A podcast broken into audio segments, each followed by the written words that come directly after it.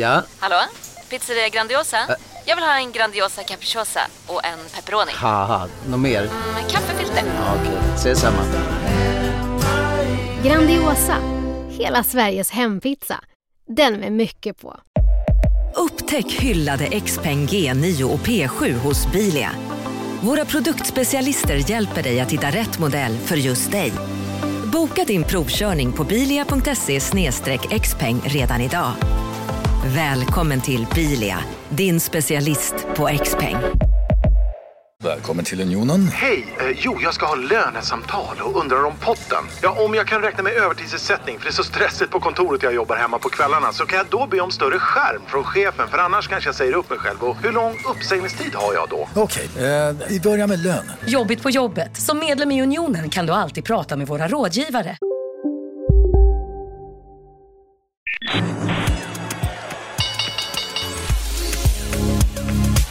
Det här är Affärsvärlden Magasin med Helene Rådstein.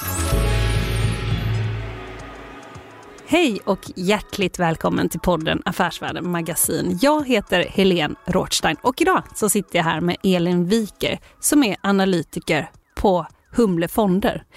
Välkommen hit! Tack så jättemycket, kul att vara här. Du, nu sa jag Humle Fonder. Eh, Stämmer det, eller ska man säga fondbolaget Humle? Jag tänker att man kan säga båda två. Eh, om man ska till vår hemsida så blir det humlefonder.se.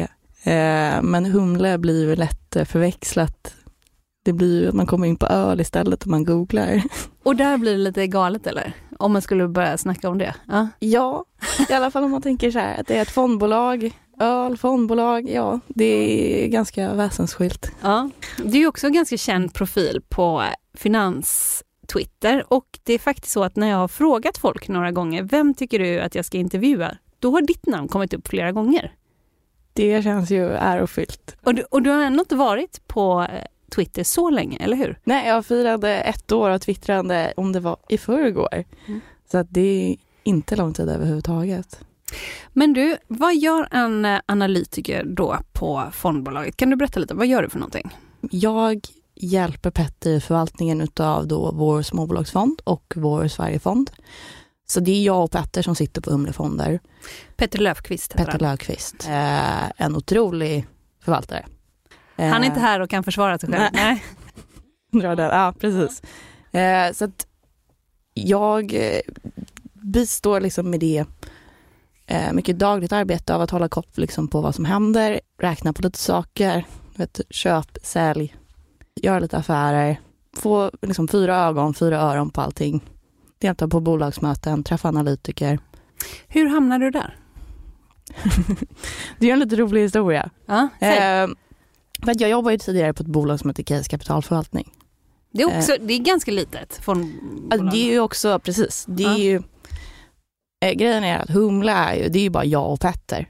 Men vi är ju liksom ingen fondbolag så, eh, för det ligger outsourcat. Det ägs av Atle som i sin tur ägs av Bure va? Precis, så att om man går tillbaka då till hur det hela började så var det så att min kollega Tom eh, känner ju Petter lite halvt sen innan eh, och tycker att han har en väldigt intressant investeringsfilosofi och eh, som går ut väldigt mycket på att träffa bolag. Och då tyckte Tom att vi skulle starta upp det. Det tyckte jag var jättekul. Eh, så då tog jag lite grann ansvaret för det eh, och såg till liksom att bestämma investerarträffar med då de bolagen som vi hade i portföljen. Varav Bure var ett av dem. Eh, så då träffade jag Henrik som är vd där, Henrik Blomqvist. Och det var i liksom, slutet av sommaren förra året. Och vi hade ett väldigt trevligt möte. Eh, och sen så några månader senare så hörde Gustav, som är vd på Atle, av sig till mig och tyckte vi skulle ta en kaffe. För han hade hört att jag hade träffat Henrik och det är alltid trevligt att träffa folk liksom inom branschen. Och det tyckte jag lät i toppen. Så då träffade jag honom där i november. Och då berättade han lite om Atle och eh, berättade också om att de sökte någon som kunde liksom hjälpa Petter, för Petter satt ensam. Och det är ett ganska tufft jobb att sitta ensam och förvalta två fonder. Och han tyckte då att jag skulle träffa Petter. Eh, så det ville jag jättegärna göra. Och sen så gick tiden och Petter hörde inte av sig. Hur lång tid pratar vi om här? Eh, det var först att det gick en månad ungefär. Ja. Så det blev strax innan jul. Så då hörde jag mig till Gustav igen. Du bara, jag har väntat en månad nu. Ja. Vad händer? Vad gör ni egentligen? Precis. Eh, Gustav återkommer och säger att Petter har otroligt mycket att göra just nu. Men han bara, ja, men Petter kommer att höra av sig. Så då jag bara, okej, okay. god jul. och sen så gick tiden ännu mer. Petter hör inte av sig. Så då tar jag istället, liksom, eh, skrider jag till verket och hör av mig till Petter. Och sen så går det lite tid. Hur lång tid? Någon vecka. Åtminstone två veckor kanske det var. Eh, och Petter svarar inte. och då har jag ju gett upp det där och tänkte så här, jag lägger det här åt sidan, det där blir ingenting. Det, det var liksom, det, jag hade andra saker på gång då eh, och jag hade liksom mitt nuvarande jobb som jag hade kunnat fortsätta på. Så att eh, det var liksom ingen stress med att liksom behöva hitta ett nytt jobb. Men du har blivit lite taggad liksom på ja. hela den idén. Bara, här sitter en ensam förvaltare och vill du komma och bistå det här? Precis, och just att liksom, min kollega då, Tom, hade liksom han hade pratat om Petter och pratat om Petter väldigt gott. Det här var någon jag visste om och visste om var bra på förvaltning. Som jag tänkte att det här kan jag lära mig massor av i så fall. Det var ju det som drog mig dit och sen så hela storyn med Atle och Humle är jätteintressant. Det hade fått min uppmärksamhet, absolut. Men sen så har Petter av sig. Och det slutar med att vi tar en eh, frukost och snackar lite aktier, snackar lite om mig, snack, Petter snackar om sig. Eh, och sen så hörde Petter av sig och tyckte att jag skulle träffa två andra som jobbar då på Atle.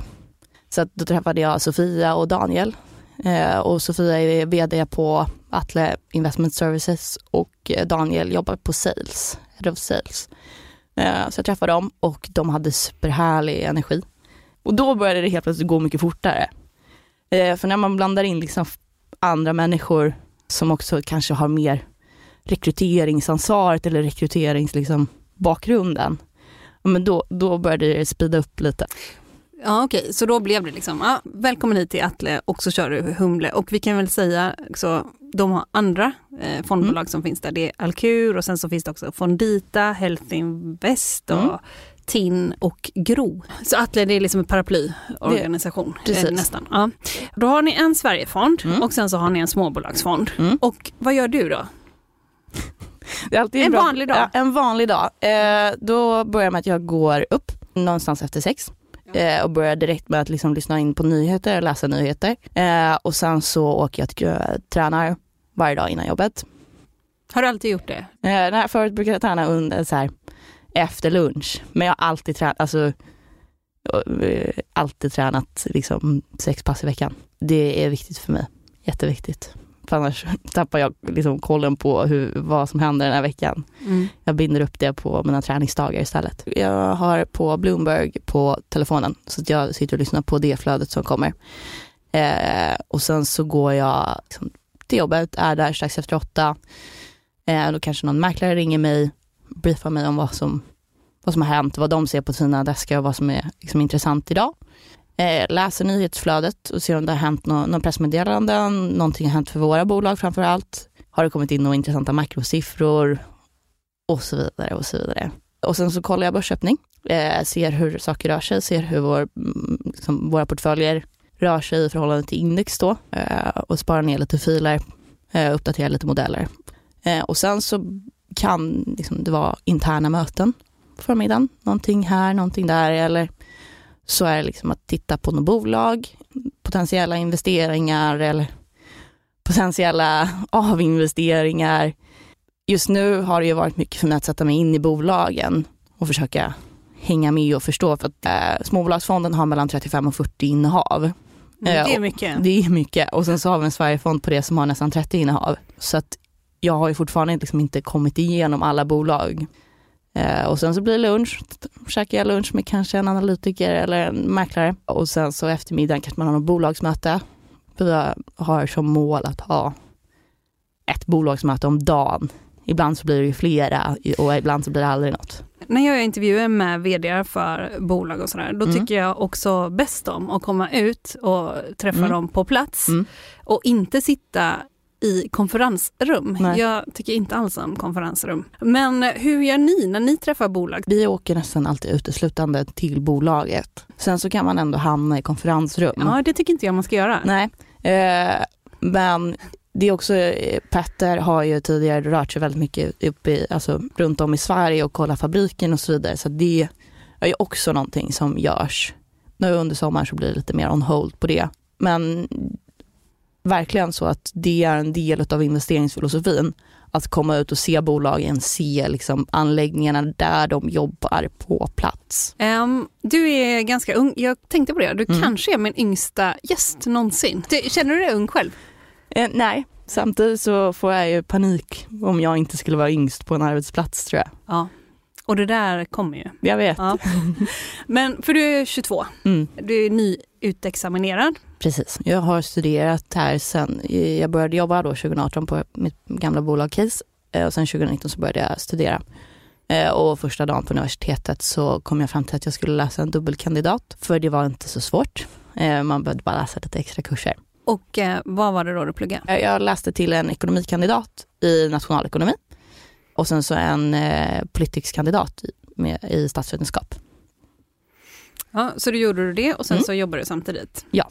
Och så då gjorde du inte så jättemycket annat eller? Eh, tränade, eh, jag hänger med familjen, jag hänger med vänner. Så att, eh, jag är också nykterist så det är liksom mycket tid man sparar på det. Har du alltid varit det? Eh, nej, jag blev det 2017. Ja, okej. Eller så det är snart fem år. Eh, och eh, då är det, om du kommer någonstans och det är champagne, Mm. liksom ska skålas och sådär, då tar du alltid alkoholfritt alternativ. Ja, alltså det, folk märker ju typ inte ens om du tar ett glas vatten. Nej. Lägg i lite is och en citronskiva och folk tror att du dricker en vodka soda eller någonting. Var det något som gjorde att du blev nykterist eller handlade det om tid? Ja, det hände lite grejer eh, där och då 2017. Men sen så upptäckte jag ju att det var ett fantastiskt liv. Ja, du aldrig bakis, kan alltid gå till gymmet, kan alltid liksom vara redo, eh, kan alltid köra bil. Alltså det är mycket ork och så vidare. Så att det, ja. Mm. Ja, det är verkligen tidsbesparande. Det är det verkligen. Jag tänkte att vi ska stresstesta det lite grann. Nu tar vi här eh, Ja. det är småbolagsfonden. Det finns inget så här jättestort innehav Nej. som utkonkurrerar de andra. Nej. Nej. Det är Eh, hela idén med fonden. Eh, vi tar aktiva risker i de olika innehaven. Ja. Eh, och ett innehav ska aldrig innebära en så pass stor position och så pass stor risk att det i sig kan eh, förstöra utvecklingen för fonden.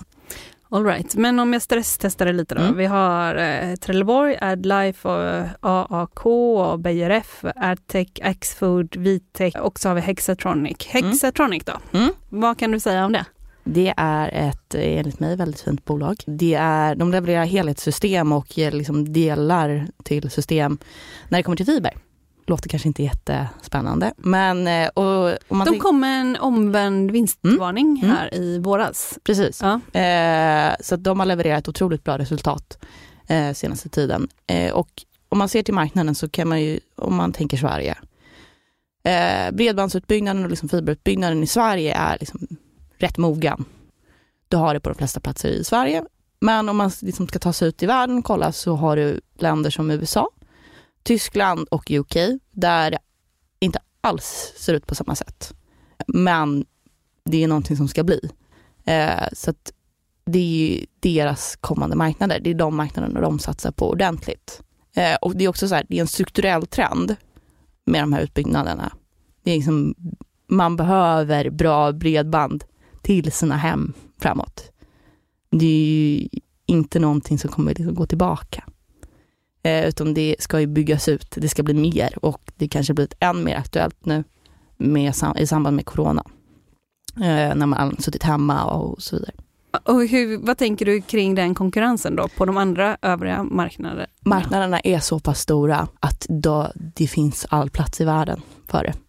Det säger de själva. Att eh, även om de är konkurrensutsatta så finns det tillräckligt mycket marknad för alla. Och de levererar liksom helhetslösningar och delar och är otroligt bra på det de gör.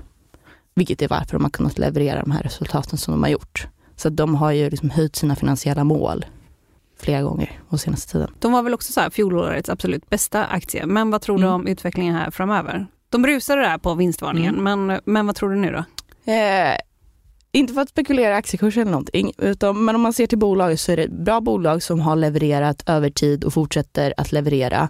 De jobbar på en marknad som är strukturellt växande. Så att om man ser på fem år så tror jag att det här är ett bolag som absolut är större än vad det är idag. Om man ser liksom inflationsrisker och så vidare, eller konjunkturrisker, så tänker jag att det här är infrastruktur och det är strukturell trend. Det bör inte heller påverkas lika mycket som övriga projekt kan man säga. Har, har du varit och hälsat på dem? Nej, eller jag har pratat med vdn där. Ja. Men inte fått möjlighet att hälsa på dem. Nej, det skulle vara kul att mm. vara med när de håller på, alltså i praktiken, va? Mm. Uh, vara med någon, liksom ute på plats och så. Mm. Okej, om vi tar ett uh, annat uh, bolag då, Vitec. Eh, Vitec är, om man ska liksom förklara det här så måste man börja liksom vad de går ut på, vad deras affärsidé är. Och de levererar affärssystem eh, vertikala affärssystem. Okej, vad är vertikala och vad är horisontella? Vertikala är sådana som görs specifikt för en kund. Så att systemet i sig är gjort för den specifika kunden och då görs det här för alla kunder. Medan ett horisontellt system är någonting, ett system som görs och sen anpassar kunden sig efter det. Så det liksom pumpas ut till många kunder. Så det är skillnaden. Eh, så det är affärskritiska system eh, som levereras i specifika nischer som apotek till exempel. Eh, som behövs för att verksamheten ska funka. Eh, och det är ju superintressant, särskilt med tanke på digitaliseringen om vi ska prata om en annan strukturell trend. Eh, och också om man ska liksom ta in hela konjunkturläget i det också, så är det ett system som inte är det första som ryker om kostnadsbesparingar ska börja göras, utan som sagt affärskritiska. Och när det är på det här sättet så kan jag tänka mig att i alla fall de säger, och kanske du också då, att när man väl har kommit in mm. och eh, en kund har börjat använda mm. det här systemet så är det ganska svårt att kicka ut. Då måste ja. man göra bort sig. Precis, de har ja. väldigt eh, låg churn som är ja, kunder som hoppar av eller lämnar. Mm. Eh, och en väldigt bred portfölj utav kunder. Så att, ja, låt oss säga att vi har bolag som går i konken. Ja, de kommer betala ett in i det sista. Eh, och sen så kommer det ändå inte påverka hela deras, hela deras eh, intäktsmassa. Även om liksom en viss procent skulle gå bort. Du sa precis, jag vill inte, mm. jag vill inte sitta här och spekulera i aktiekursen. Eh, hur tänker du kring det? Eh, jag tänker så att vinsttillväxt driver en aktiekurs. Så har man ett bolag som levererar vinster och kanske till och med också levererar förbättrade marginaler över tid så kommer också aktiekursen att följa efter. Då menar du att sitta kortsiktigt och prata mm. om någonting? Nej, det, hur, hur, lång horisont ska man ha säger du? Fem år är det klassiska eh, och det tycker jag är ganska rimligt. Vad är den bästa investeringen som du själv har gjort? Åh, oh, gud. Det var i ett bolag som heter Imint. När gick du in där? Eh, det var i början av förra året. Ja. Eh, och sen så lyckades jag sälja på toppen i ja, men december någonstans där. Det är också ett eh, mjukvarubolag. Ja, precis. Ja. Eh, Image eh, Intelligence håller de på med. Flera av de liksom mer teknikdrivna bolagen de har ju pressats ganska hårt på börsen här. Vad tror du om den utvecklingen på sikt? Man får ju tänka sig att värderingarna har ju senaste två åren skjutit i höjden och varit på otroliga nivåer. Eh, vilket har kunnat motiveras av en låg ränta. När vi ser räntan går upp, ja då blir de värderingarna väldigt pressade och aktien ska ner. Eh, för man kan inte diskontera längre i all framtid till nollränta. Eh, så då helt plötsligt så är bolaget inte lika mycket värt idag. Eh, så ska ner på grund av det. Sen så har du i de här bolagen så problemet att du är beroende av att kunna låna billiga pengar väldigt ofta. Och går räntan upp, ja då blir det dyrare att låna. Och helt plötsligt så är riskaptiten också så att det finns ingen längre som vill låna ut pengar till dem. Alla är rädda helt plötsligt. Och då blir det väldigt problematiskt. Men man måste liksom sortera de här bolagen, för det finns fortfarande bolag som är jättebra med klockrena affärsidéer. Men sen så finns det också den här skiten som hamnade på börsen, som fick stanna på börsen, bara på grund av att alla vill investera i allt. Kan du exemplifiera skiten? Va, va, va, vad är skit för dig? Eh, skit för mig är bolag som eh, levererar dåliga resultat gång på gång på gång eh, och har problem med förtroende. Ja, man kan ta teknikbolag, absolut, det finns vissa. Men ett annat exempel som många liksom känner till är ju liksom Scandi Standard, eh, Kronfågeln. Mm. otroligt mycket dålig publicitet. Det, det, det är ett skitbolag skulle jag säga. Det är skit på så sätt, det är ingenting som jag skulle vilja investera i på grund av att management inte kunnat leverera. Det har varit skandaler på skandaler på skandaler. Samtidigt som också resultatet varit dåligt, dåligt, dåligt. Eh, Det är kycklinguppfödning Precis, precis. och det var en skandal här för typ något år sedan va? Ja, precis, förra det, året. Ja, förra året. Det var Aftonbladet Mm. faktiskt som eh, granskade Mm. liksom en kronfågelanläggning, Mm. eller hur? Och eh, vdn fick gå och sen så kom en ny vd in. Ja, och vdn hade ju också handlat aktierna, eller sålt aktier i bolaget då innan det här kom ut. Det, det var till exempel man hade skållat kycklingar Mm. Ja. levande, lite sådana där grejer. Ja. Ja. Precis, det, man vill ju inte riskera att man investerar i ett företag där sådana här videos kan komma ut. Att det sker på det här sättet och det är svårt att kunna kontrollera som investerare också. Man måste lita på att det de säger att det sköts på rätt sätt och sen så visar det sig att nej men det gör det inte. Eh, men det är också att man har levererat dåligt över tid. Så att det är både operativt och liksom kommunikationsmässigt. Eh, Och, och du tror inte på det framöver? Eh, Jag tänker att det finns förhoppningar om att det ska bli bättre nu. Eh, Men jag tänker inte köpa ett bolag på förhoppningar om att det ska bli bättre. Nej. Hur tänker du själv privat kring investeringar? Liksom, i- inga förhoppningsbolag, är du inte så inne på? Nej. Nej, eller jag har tidigare varit det. Och så har man bränt sig och lärt sig sin läxa. Eller det här klassiska att någon säger till en att man ska köpa någonting. Eh, Men det är bra att lära sig i tid. Hur jag tänker privat kring investeringar, att jag handlar väldigt mycket fonder istället. För det är ganska mycket regelverk att förhålla sig till när man sitter med förvaltning av fonder. Ja, men du får inte sitta och handla lite Mm. Nej. olika. Nej, så du har placerat själv då Jag i... placerar ja. själv i fonder, i då, framförallt i fonder som jag själv sitter med. Så att jag Mm. sitter och investerar i de två fonderna. För att då känner jag att jag får full insyn i allting som händer också. Jag har tidigare sagt det här att jag tycker att en person som sitter med förvaltning av fonder också ska sitta och investera i sina egna fonder. Det är som skin in the game. På förvaltarsidan? Mm, Ja, jag förstår. Vad är din sämsta investering? När har du bränt det då? Just där när någon säger till en att köpa. Ehm, jag var inne en snabbis där i Lohilo för att jag själv ja, lyssnade på någon som sa till mig att det här kommer bli bra. Eh, och det gick inte så bra. Nej, det gick inte så bra. Nej. Men otroligt vad det är gott. Eller? Har du ätit eh, Lohilo-produkter? Ja. Ja, Lohilo-glass. Ja. Alltså det är så här lågkaloriglass. Och, ja, jag käkar inte socker så det är, det är hemmamarknad för mig. det är hemmamarknad. Mm. Ja, och, och, och det gick dåligt. Ja. Mm. Men man lär sig och det är, alla gör de här misstagen. Om man säger att man inte har gjort de här misstagen, då ljuger man. När började du intressera dig för börsen överhuvudtaget? Hur, var kom det intresset ifrån? Jag har varit jätteintresserad av finansbranschen, eh, vilket grundar sig i ett samhällsintresse, ett ekonomiintresse. Sen så var det inte specifikt börsen som var det jag var intresserad av då. Eh, jag har haft aktier sedan jag var pytte, pytteliten, för jag har haft farföräldrar som var superintresserade. Men då när jag var klar med gymnasiet så ville jag in i finansbranschen. Det, det hade du bestämt dig? Det hade jag bestämt mig för. I min värld så är finansbranschen navet i samhället. Det är det som gör att vi har företag. Eh, Så att, ja, det här eh, fiket på stan, ja men kanske tack vare finansbranschen för att de kan låna pengar. Det är i finansbranschen som allting händer och det är tack vare finansbranschen som allting kan hända. Du menar det är blodomloppet ungefär? Ja, Mm. precis. Det är blodomloppet. Eh, Och då vill jag dit. För det tar aldrig slut på saker heller. Men jag tänker också när du går in där och aktivt själv då börjar köpa aktier. Mm. Var är du då? Är det under gymnasiet eller när började det här hända? Eh, det började hända när jag började jobba på fondbolaget. Jag hade ägt aktier sedan jag var liten, men inte rört dem, utan man fick en utdelning lite då och då.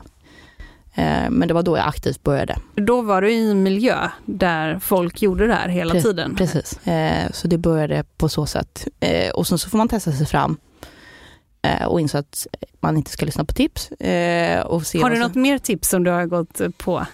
Gör din research, det går lite in på, på det temat. Ibland så har man tur och lyckas utan att göra research, men gör research och förstå konceptet av att vinsttillväxt också driver en aktiekurs. Diversifiera, jag skulle satsa på fonder om jag inte känner mig så bekväm med aktier och inte har tid att sitta varje dag och bevaka marknaden kanske och har investerat i förhoppningsbolag.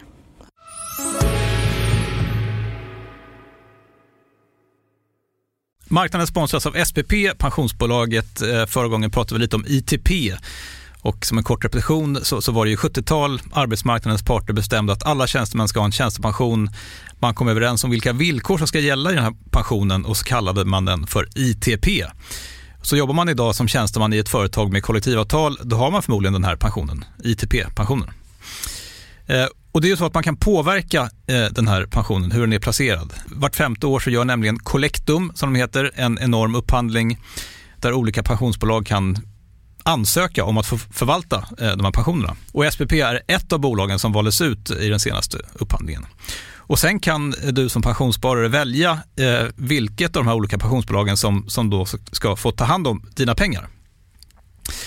Och tanken med den här upphandlingen det är ju att liksom kvalitetssäkra de här olika alternativen eh, men också att förhandla fram stora rabatter så att pensionsspararna ska få ja, kunna spara pengar genom att avgifterna eh, som är så viktiga eh, blir eh, lägre.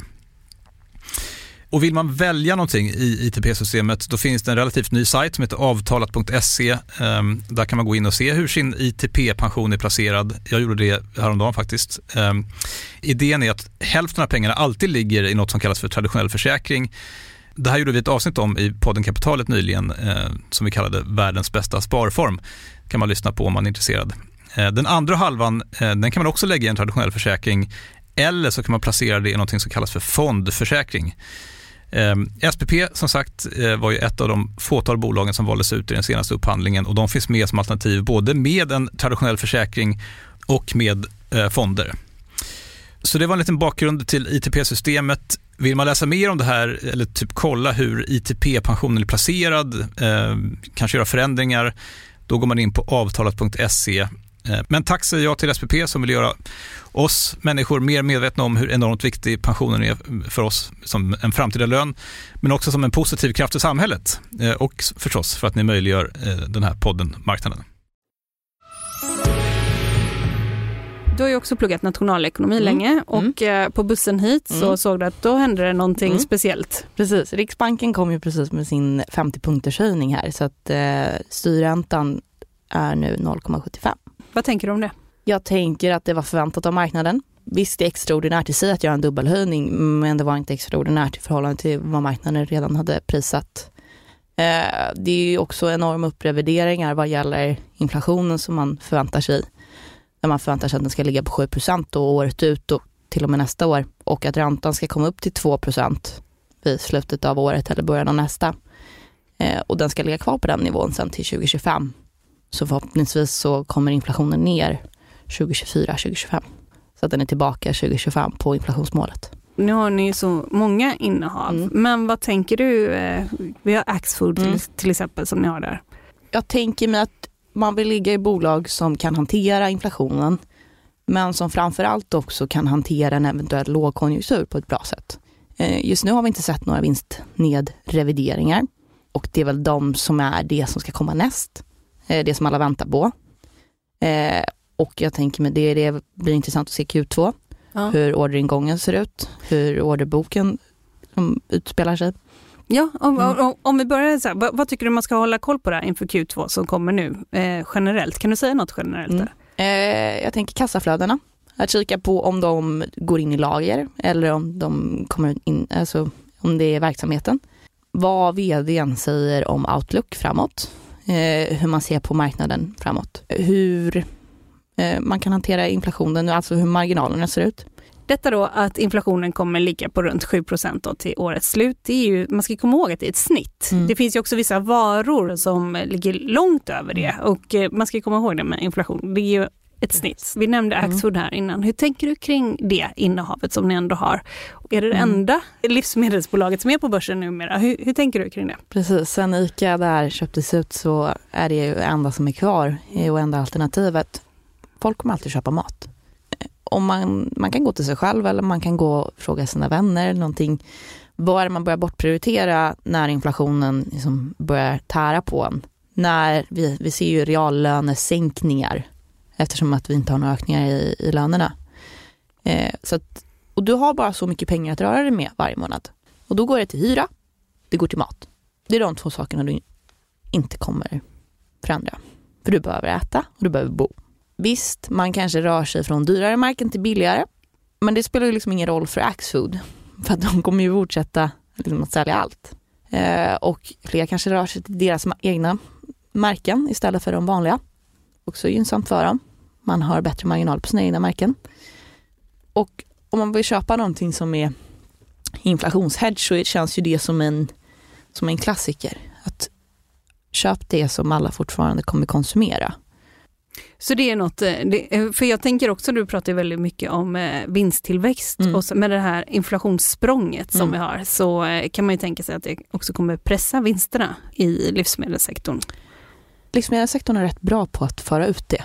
Som sagt, folk måste fortsätta äta. De är snabba menar du? Mm, precis. Det varierar lite grann. Vi har ju ganska få stora kedjor. Där liksom Axfood äger Willys och Hemköp bland annat. Sen så har du ICA som köptes ut som vi sa. Och sen så har du Coop. Och det är de tre som dominerar marknaden fullständigt. Eh, de har, eh, man har ju sett väldigt mycket bönder och eller lantmän som är ute och klagar på att visst, butikerna höjer priserna men det går inte tillbaka till bönderna. Eh, förhoppningsvis så gör det det framåt men vi kommer behöva se fortsatta prisökningar. Eh, för att vissa matbutiker börjar redan ta höjd för det här. Även om det, deras insatskostnader i form av vissa råvaror inte börjat öka än, så har man börjat höja priserna. För att det är lika bra att börja för att konsumenten ska börja vänja sig. Så jag tror att de har så pass pricing power att då, förhoppningsvis så kommer inte marginalerna behöva påverkas så mycket som i andra sektorer. Det finns i den här podden ett ganska nästan flummigt avsnitt när mm. jag var på Mathems lager mm. en dag och gick runt där och jag fick en chock över hur manuellt det var. Det kändes mm. verkligen inte som att man var i Sverige. Sedan dess så har man ju satsat på e-handel. Eh, alla de stora koncernerna har gjort mm. det. Och det är ICA och det är mm. Axfood och det är också Mathem då, mm. Kinneviks eh, Mathem. Eh, har du någon spaning här kring e-handel och sådär framöver. Det har ju överhuvudtaget varit väldigt hett också med mm. corona, sådär, matleverans hem. Och jag tror i Axfoods fall så tror jag att det är på 2,5 miljarder kronor den satsningen mm. på ny liksom, logistiklager. Det är mm. enorm, mm. enorma pengar mm. som man satsar här. Har du någon take på det framöver? Jag tror att e-handeln nu har blomstrat men att vi nu ser ju att det inte går lika bra längre för väldigt många företag. Eh, vi har fått vinstvarningar från Boost, vi har fått vinstvarningar från Nelly, vi har fått vinstvarningar från Zalando, e-handelsbolag, eh, då, mm. kläder. Mm. så att den sektorn går inte superbra. och sen så har vi bolag som Desino som inte heller gått så bra. Så att jag tror att man kanske överskattade lite grann att nu skulle allting ske på nätet. Men om man tänker ja, specifikt vad det gäller e-handel när det kommer till mat så är det ett bekvämt sätt för väldigt många att få hem de stora kassarna med mat och slipper slita på dem. Men ibland så vill vissa ja, men gå till butiken, känna lite på avokadon, klämma och se om den är mogen eller inte.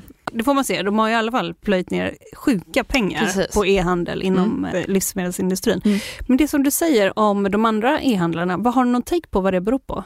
Du har levt på ganska låga marginaler för att kunna locka kunden istället till e-handeln istället för att gå ut i en butik. Vissa bolag har behövt hålla ganska stora lager på olika platser, kostar. Eh, sen så har vi alla de här returerna.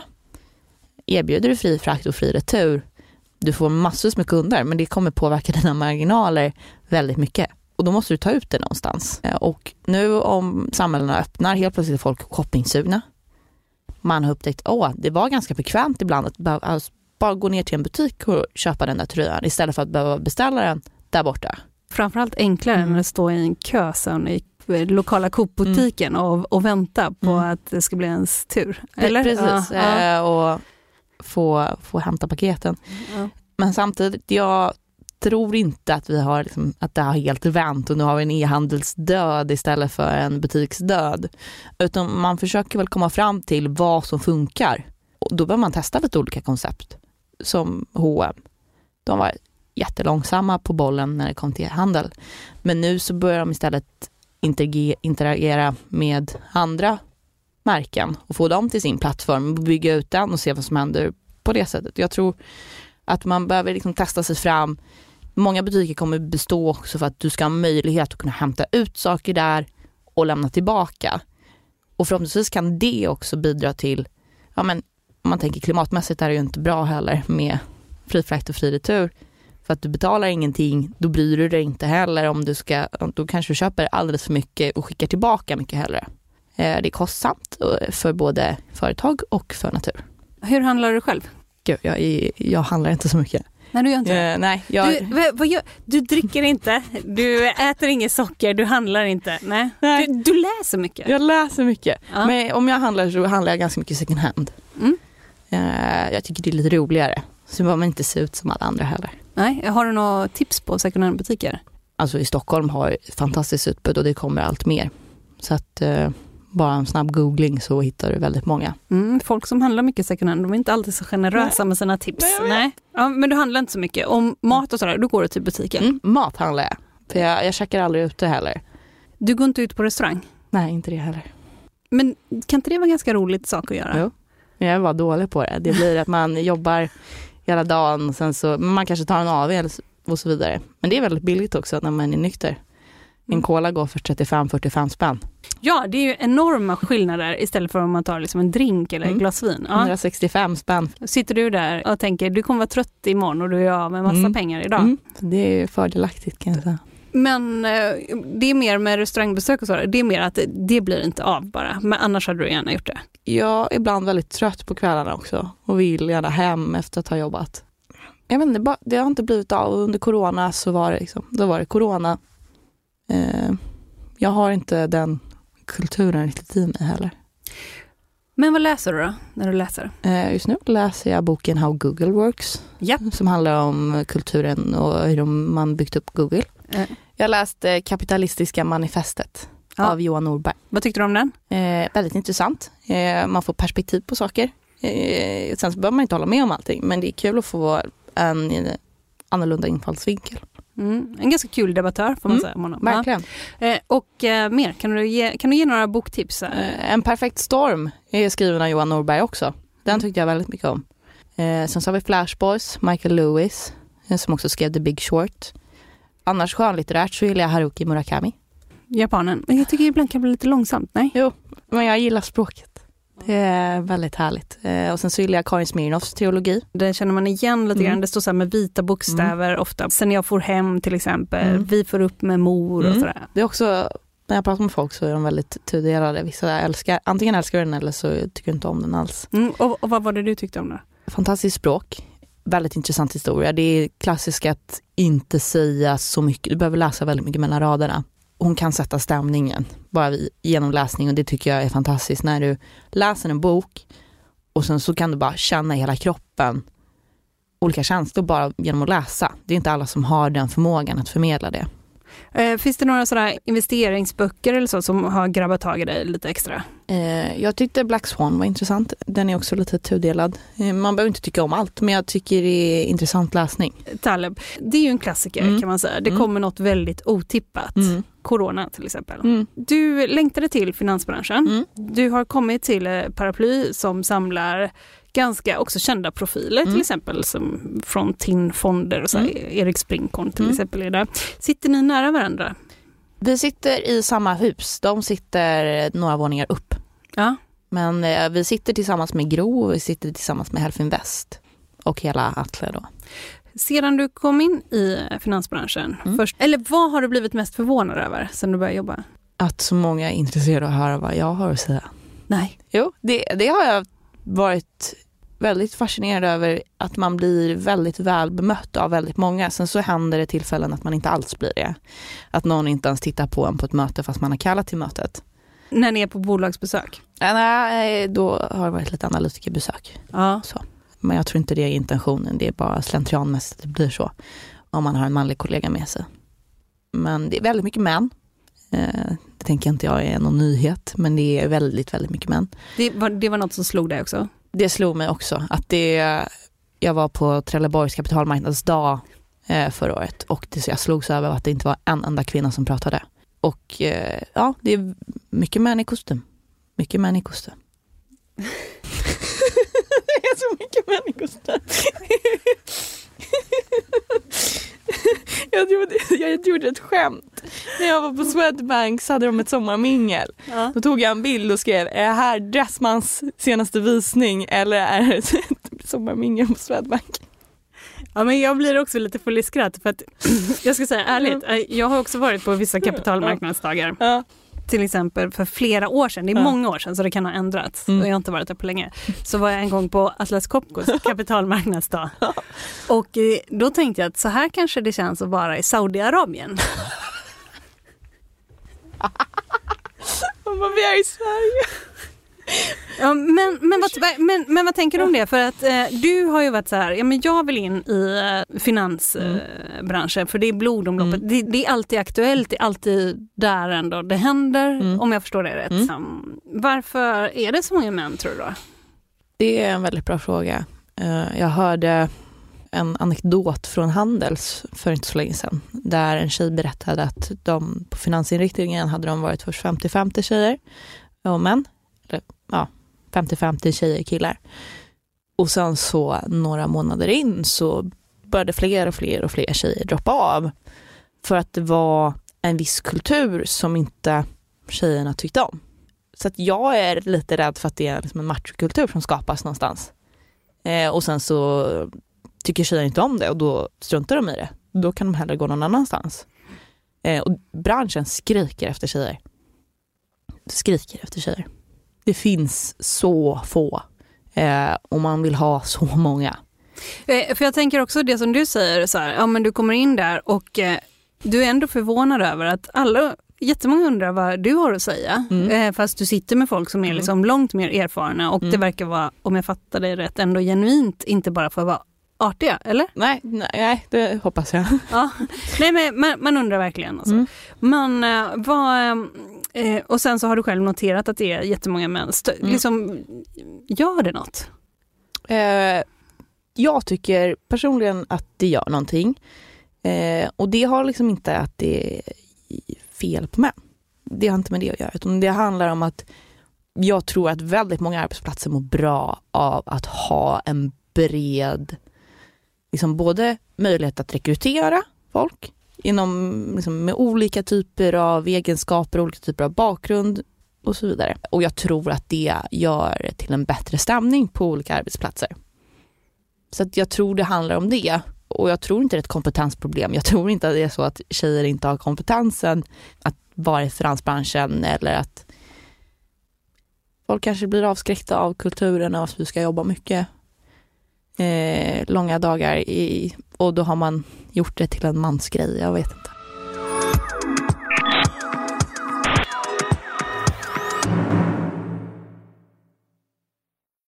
Eh, marknaden sponsras av Karla. Eh, vi pratar ju en hel del om bilar här- på kontoret. Eh, Karla har ju skapat, skulle jag säga, det som är standarden för hur man idag köper och säljer bilar på nätet.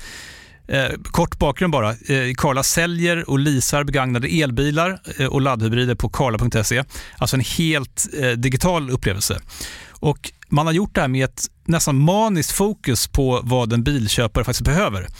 Jag gjorde ju en intervju med en av grundarna, Patrik Illerstig, i marknaden här eh, ganska nyligen, eh, daterad 25 mars, om man vill lyssna på den. Eh, men där berättar han hur de kom in i det här lite från vänster för att försöka uppfinna hela den här liksom bilköpupplevelsen från början. Och de har idag, vilket är rätt otroligt, 4,8 i betyg eh, på Trustpilot. Jag, jag har sett många företagssidor på Trustpilot, men det här är nog bland eh, det bästa jag någonsin sett faktiskt. Man kan sälja bilen till Karla också. Eh, då går man in på karla.se, delar lite info om bilen, sen får man en gratis värdering och ett bud. De hämtar bilen helt gratis i hela Sverige och så har man pengarna på kontot i samma stund som de hämtar bilen. Det är grymt. Eh, så ska du köpa en ny bil eller sälja din gamla, eller båda delar för den delen, gå in på karla.se och eh, kolla. Alltså karla.se och Karla stavas med C. Tack så mycket till Karla.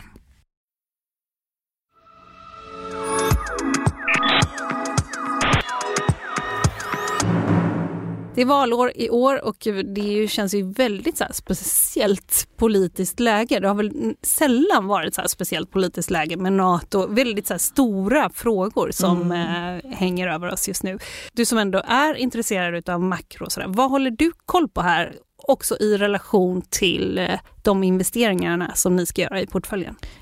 Eh, jag håller koll på vad politikerna säger både framåt och hur man ska tackla liksom konsumenten i det här läget. Konsumenten nu som är väljaren. Ja, men det kommer elbidrag för att elpriserna har varit så höga. Man sänker skatten på mm, drivmedel. Det är mycket sådana här saker för att liksom, approacha konsumenten, få den att må lite bättre. Känna att det är lite bättre i kassan så att man inte blir så missnöjd. För man är, har ju kunnat konstatera, nu vet jag inte exakt i, vad det gäller i svensk kontext, men att landets ekonomi påverkar valutgång och vad man tycker och tänker om de styrande partierna och så vidare.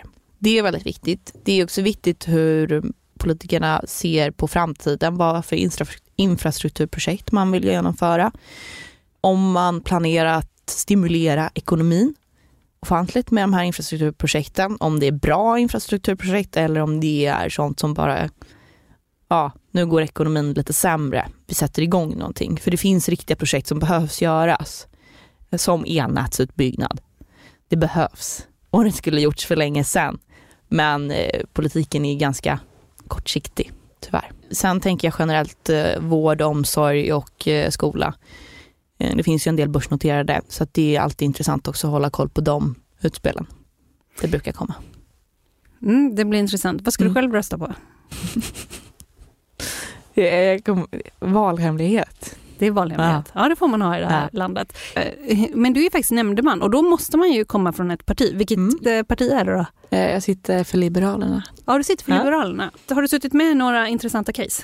Jag sitter på endagsmål bara. Så att det är inga större grejer och det är mycket narkotikabrott, det kan vara bokföringsbrott, det kan vara misshandel och olaga hot. Eh, så jag sitter mest på korta, men det är väldigt intressant sak att göra som jag rekommenderar alla som har möjlighet till att göra för att du får en inblick i svenska samhället och du kanske får ge tillbaka lite också till samhället. Mm, hur tänker du då ge tillbaka? Eh, det handlar om liksom solidarisk grej jag har i mitt huvud. Jag tänker att man ska ge tillbaka någonting till samhället också. Eh, och då tycker jag att det här är en sak där jag gör det, för det är ganska lågavlönat. Det är inte så att du tjänar stora cash på att sitta som nämndeman. Det är någonting som du tillsätts just politiskt och du får möjlighet att vara med och påverka både liksom människors liv, ja men ska de dömas eller inte, men också i straffmätning och liknande. För jag tänker många endagsmål så tänker jag att eh, det kan komma alla möjliga slags mm. människor. Mm. Är det något som har slagit dig där? Det finns väldigt mycket människor som mår väldigt dåligt och har det väldigt dåligt generellt i livet. Eh, så det är ju fruktansvärt att se. Ibland så gör det ont i hjärtat när man sitter där. Eh, kan du nämna något exempel? Det, ibland så är det, har varit mycket hemlösa som åker dit för narkotikabrott och då är de väldigt utsatta. De mår väldigt dåligt liksom redan i grunden. Eh, och det är oftast inte första gången man döms, så då gör det lite ont för att man vill inte att en människa ska må så här eller vara så här utsatt. Jag säger stort tack till dig Elin Wiker, analytiker på fondbolaget Humle, eller Humle fondbolag. Tack för att du kom och var gäst i podden Affärsvärlden Magasin. Tack så jättemycket. Du har lyssnat på podden Affärsvärlden Magasin med mig, Helene Rothstein. Och nästa avsnitt det kommer om en vecka. Hoppas ni har en bra sommar. Håll ut, hej då!